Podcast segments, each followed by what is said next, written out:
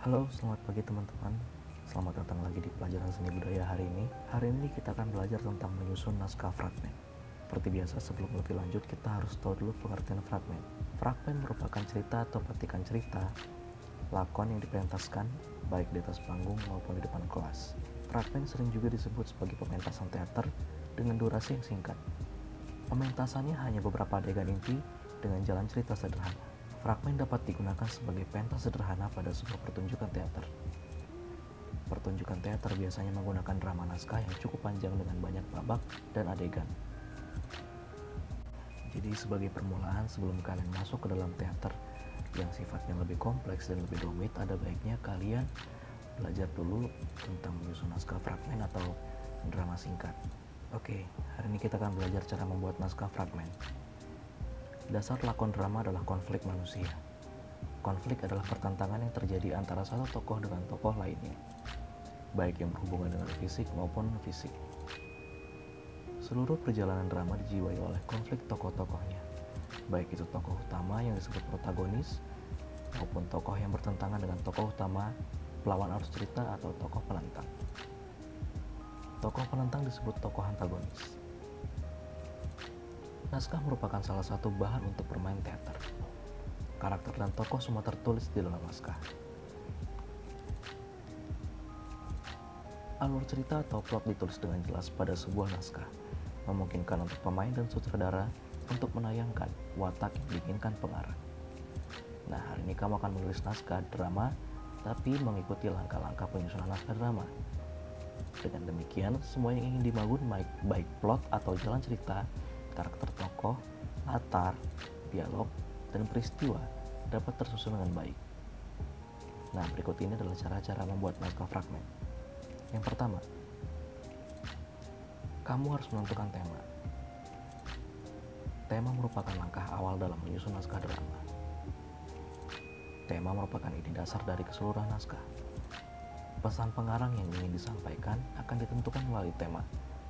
Pengarang dapat menentukan tema cerita seperti persahabatan, kasih sayang, kepahlawanan, pengorbanan, ketulusan, dan perjuangan.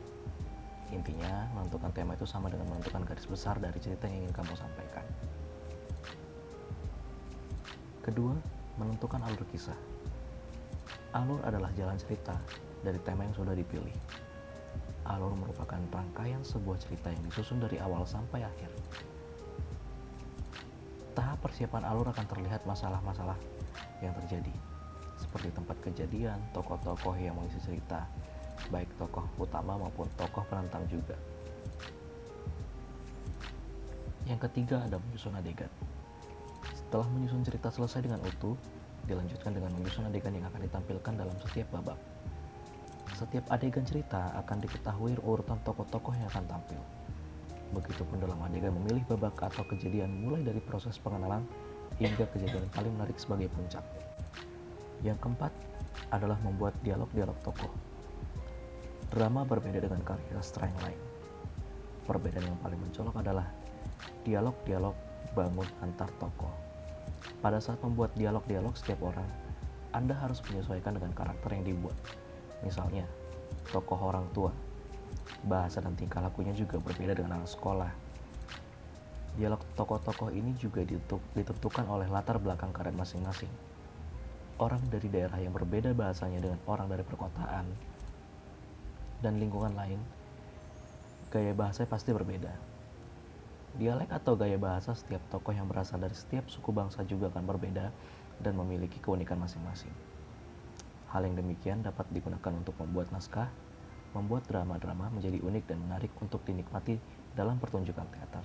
Nah, untuk contoh naskah fragmennya, kalian bisa lihat di Google Classroom.